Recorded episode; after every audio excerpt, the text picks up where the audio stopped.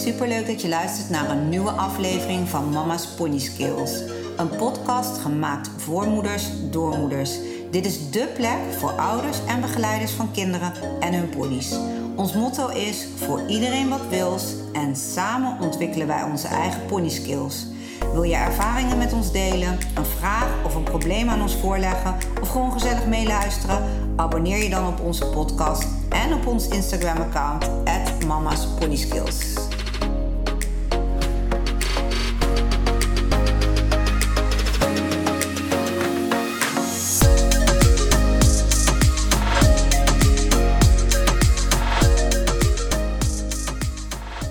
Goedemorgen, het is woensdag 30 augustus, 7 minuten over 11. En zoals ik jullie beloofd had, uh, zou ik uh, op mijn Instagram zou ik een podcast voor jullie opnemen. Ik heb gisteren een uh, poll geplaatst. En met de volgende vraag, ik moet hem er even bijpakken, want ik weet even niet meer precies hoe ik hem had omschreven. oh ja, een verkoper die echte liefde voelt voor zijn of haar pony, zal bij verkoop altijd eerlijk zijn over het karakter van de pony. En daar konden jullie dan op reageren. Ehm, nou, het resultaat had ik wel een beetje verwacht. Um, er waren uh, eh, 153 mensen die zeiden ja, ja, de verkoper die echt de liefde voelt voor zijn of haar pony, zal bij, bij verkoop altijd eerlijk zijn over het karakter van de pony. En 17 mensen zeiden nee. Dus 90% zei ja en 10% zei nee. De, de verkoper gaat niet altijd eerlijk zijn. Um, nou, ik gaf ook aan dat ik het met de, de eens ben. Uh, want uh, in veel gevallen, eigenlijk in bijna alle gevallen, ga ik even vanuit, zal de verkoper eerlijk willen zijn. Maar kan de verkoper ook eerlijk zijn? Uh, want wij gaan natuurlijk ergens, als wij een pony gaan kopen, gaan we er naartoe en dan kijken we ook hoe die mensen zich gedragen. Of oh, ze hebben de pony al jaren en ze zijn heel liefdevol en ze zijn dol op de pony. Dus nou ja, die mensen willen natuurlijk dat die pony goed terechtkomt. Dus die zullen heel eerlijk zijn over de pony.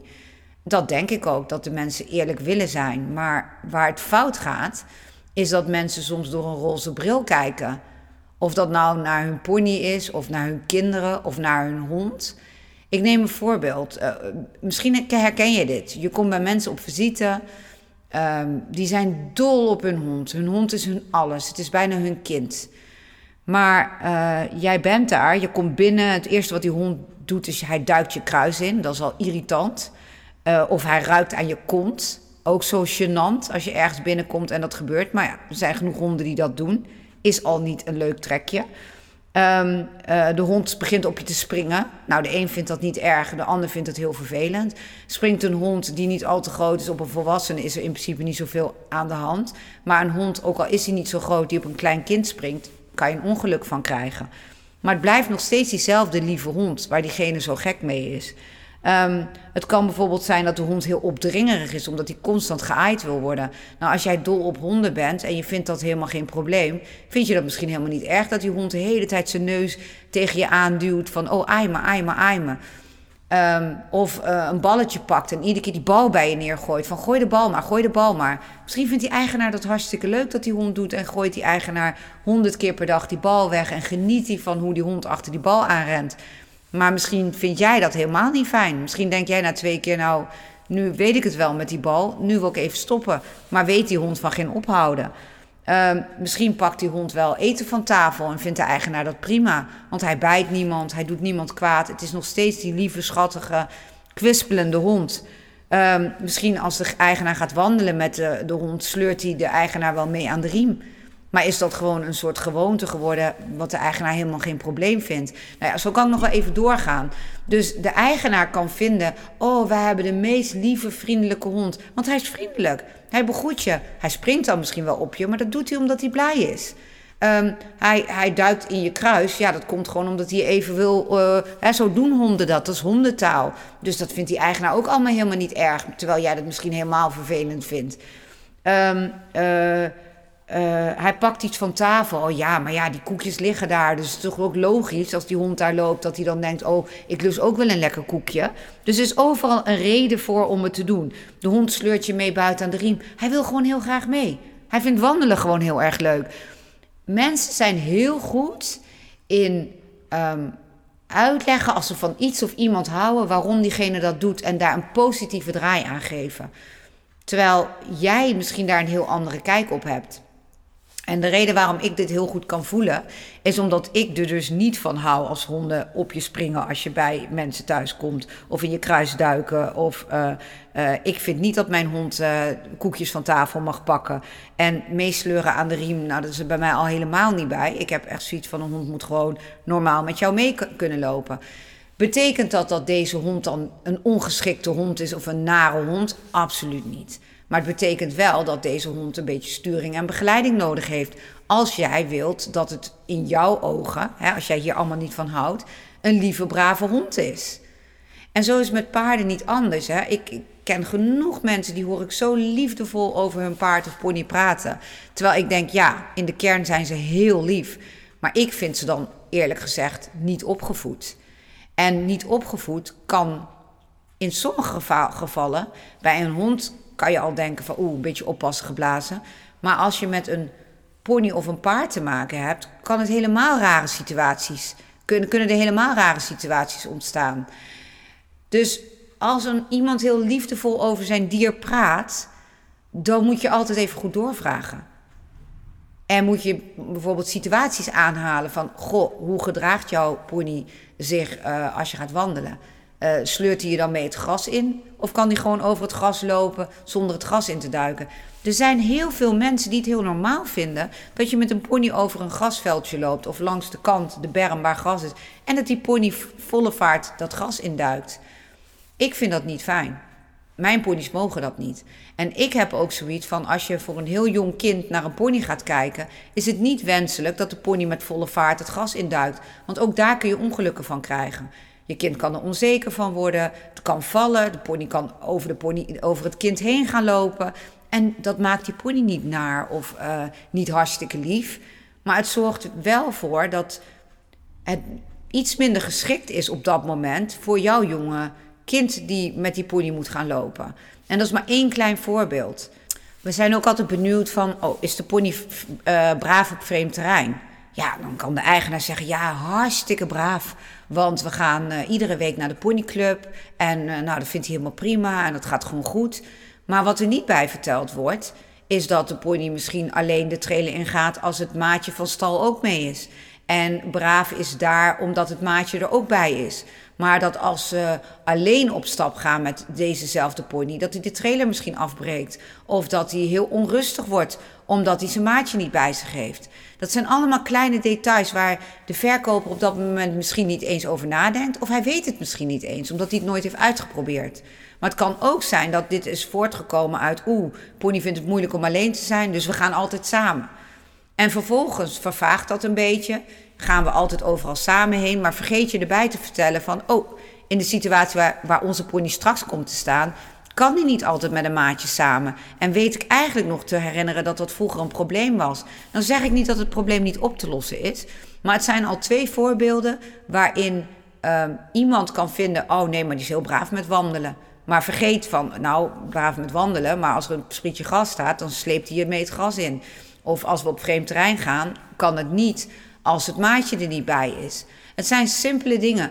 Um, net zoals met rijden. Hoe braaf is de pony onder het zadel? Misschien hebben zij een hele ervaren dochter of zoon die nu op de pony rijdt. Maar is het wel een temperamentvol dier die nu misschien op L2 of M-niveau gereden wordt, veel uitdaging krijgt, maar die eigenlijk misschien helemaal niet zo braaf blijft met een kindje dat nog op Bixie-niveau rijdt of gewoon nog B rijdt en die pony helemaal nog niet zoveel uh, uitdaging kan geven. Het is eigenlijk um, voor de verkoper namelijk ook heel belangrijk om te bekijken: oké, wat bieden wij de pony nu? En in welke situatie komt de pony straks? En in sommige, op sommige antwoorden moet je ook gewoon zeggen, of vragen moet je ook gewoon eerlijk durven zeggen: Oh, dat weet ik eigenlijk niet. Dat zouden we moeten uitproberen. Ik krijg ook heel vaak de vraag over mijn hond: Ja, met kleine kinderen gaat dat goed. Ik zeg altijd: Tot nu toe wel. Maar het blijft wel een dier. En mijn hond komt ook nog uit Roemenië. Die is best wel, heeft veel trauma gehad. Daar merk je nu nog maar vrij weinig van, omdat hij helemaal gewend is hier. Hij is nu twee jaar in Nederland en hij, hij voelt zich op zijn gemak bij ons. Hij is inmiddels gewend aan vreemde mensen. Maar alsnog, kleine kinderen kunnen ook een gekke move maken of een vibe bij zich hebben waar hij op reageert. Ik ga nooit zeggen: Oh nee hoor, ai maar, doe maar. Hij doet toch niks. En mensen zijn toch geneigd om vanuit liefde over hun dieren te praten. En bij zo'n hond die nog nooit een kind gebeten heeft, zeggen: Oh, aai maar hoor, hij doet toch niks. Hij is hartstikke lief. Nou, en misschien is dat ook wel zo. Maar ik vind wel, ik ben altijd wat gereserveerder. Ik heb altijd zoiets van: elk kind is anders, elke situatie is anders. Wij reageren ook niet hetzelfde op elke persoon die op ons afkomt. En zo is het met onze dieren ook. Um, neem bijvoorbeeld een voorbeeld met mensen en hun kinderen. Oh, dat zal mijn kind nooit doen.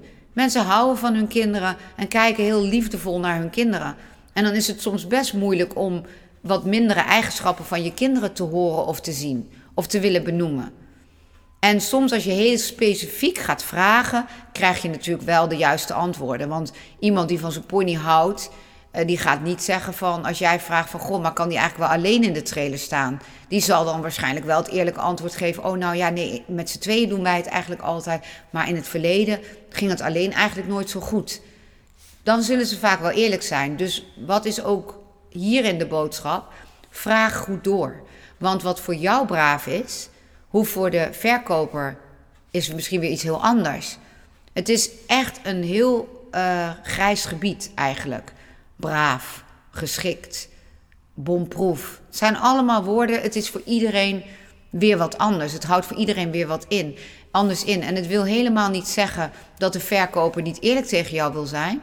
Maar in veel gevallen kijkt de verkoper wel door zijn eigen roze bril. En helemaal als het heel emotioneel is en er moet op een moment wordt de keuze gemaakt dat je afscheid gaat nemen. Dan ga je herinneringen ophalen. En dan is het toch wel dat je vooral de mooie dingen van de pony ziet. Wat je allemaal van de pony wel niet gaat missen. En dat je een beetje naar de achtergrond verdwijnt. Wat er wat minder leuk aan de pony is. Want wij mensen ook, we, hebben hele leuke eigenschappen. Maar iedereen heeft mindere eigenschappen. En je kunt wel gaan doen alsof dat niet waar is. Maar, maar het is zo. En dat is met onze ponies natuurlijk ook. Ze hebben allemaal hun mooie dingen. En ze hebben ook allemaal hun uitdagingen. En dat maakt hun niet minder lief of uh, dat ze ongeschikt zijn. Maar een bepaald karakter of een bepaalde manier van doen past misschien wel iets minder bij jouw wat jongere kind of wat onervaren kind. Waarvoor je dan die brave kinderpony gaat zoeken. Dus om mijn, uh, mijn antwoord nog een keer samen te vatten. Ik denk dat wij te veel uitgaan dat als er door de verkoper een verkooppraatje tussen aanhalingstekens, dat klinkt negatief, dat bedoel ik niet zo, wordt gehouden, dat er vooral heel positief naar de pony wordt gekeken, maar dat het aan jou is om te kijken, oké, wat is voor mijn kind belangrijk? Een pony moet bijvoorbeeld geduldig kunnen zijn, als het wat onhandig is nog.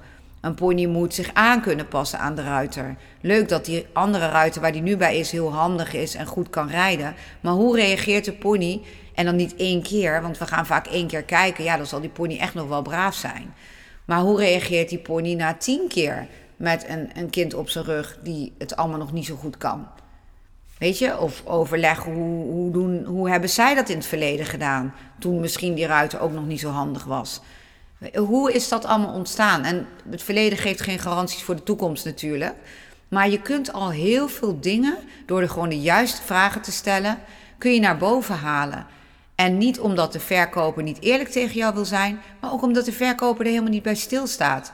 Een pony die bij ons elke dag braaf is, nooit een bok geeft, nooit schrikt, nooit wegschiet.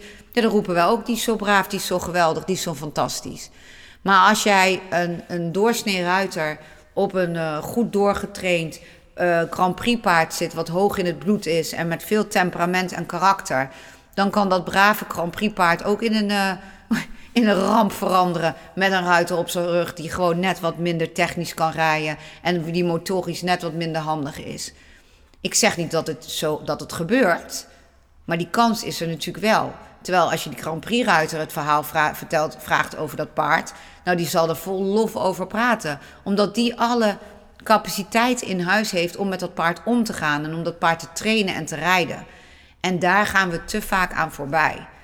Dus, uh, nou, dit was even een kortere podcast dan dat jullie van mij gewend zijn. Maar ik vond het handig om het even duidelijk uh, weer te geven. Tegenwoordig um, Tegenwoordig kun je in de podcast eh, reageren onder de podcast. Nu doen jullie dat altijd in mijn Instagram. Maar als je iets kwijt wil over dit onderwerp, kun je ook onder deze podcast bij QA heet het volgens mij. Ik weet het niet zeker. Uh, kun je een reactie achterlaten. Die kan ik dan ook lezen en daar kan ik ook op reageren. Maar uiteraard mag dat ook gewoon uh, op mijn Instagram. Um, nou, ik dank jullie allemaal voor het reageren op de poll. Op mijn Instagram vond ik, vind ik altijd leuk. En ook de mensen met de motivatie. Er was trouwens één iemand die dezelfde motivatie had als ik. Dat vond ik wel grappig. Um, en verder rest uh, hoorde ik ook hele interessante motivaties hoor. Van ja, tuurlijk ben je eerlijk, want je wil het beste voor je pony. Dus natuurlijk ben je eerlijk. En snap ik ook. En daarom was dit ook een beetje een gekke omdat ik er ook van uitga dat mensen eerlijk willen zijn en het beste voor hun pony willen.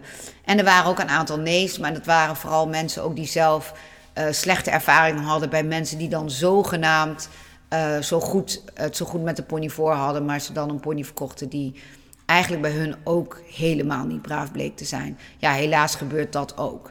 Maar ik denk wel dat dat de mindere uh, dat, dat dat minder voorkomt dan dat mensen echt daadwerkelijk gewoon eerlijk over hun pony willen zijn en het beste voor hun pony willen.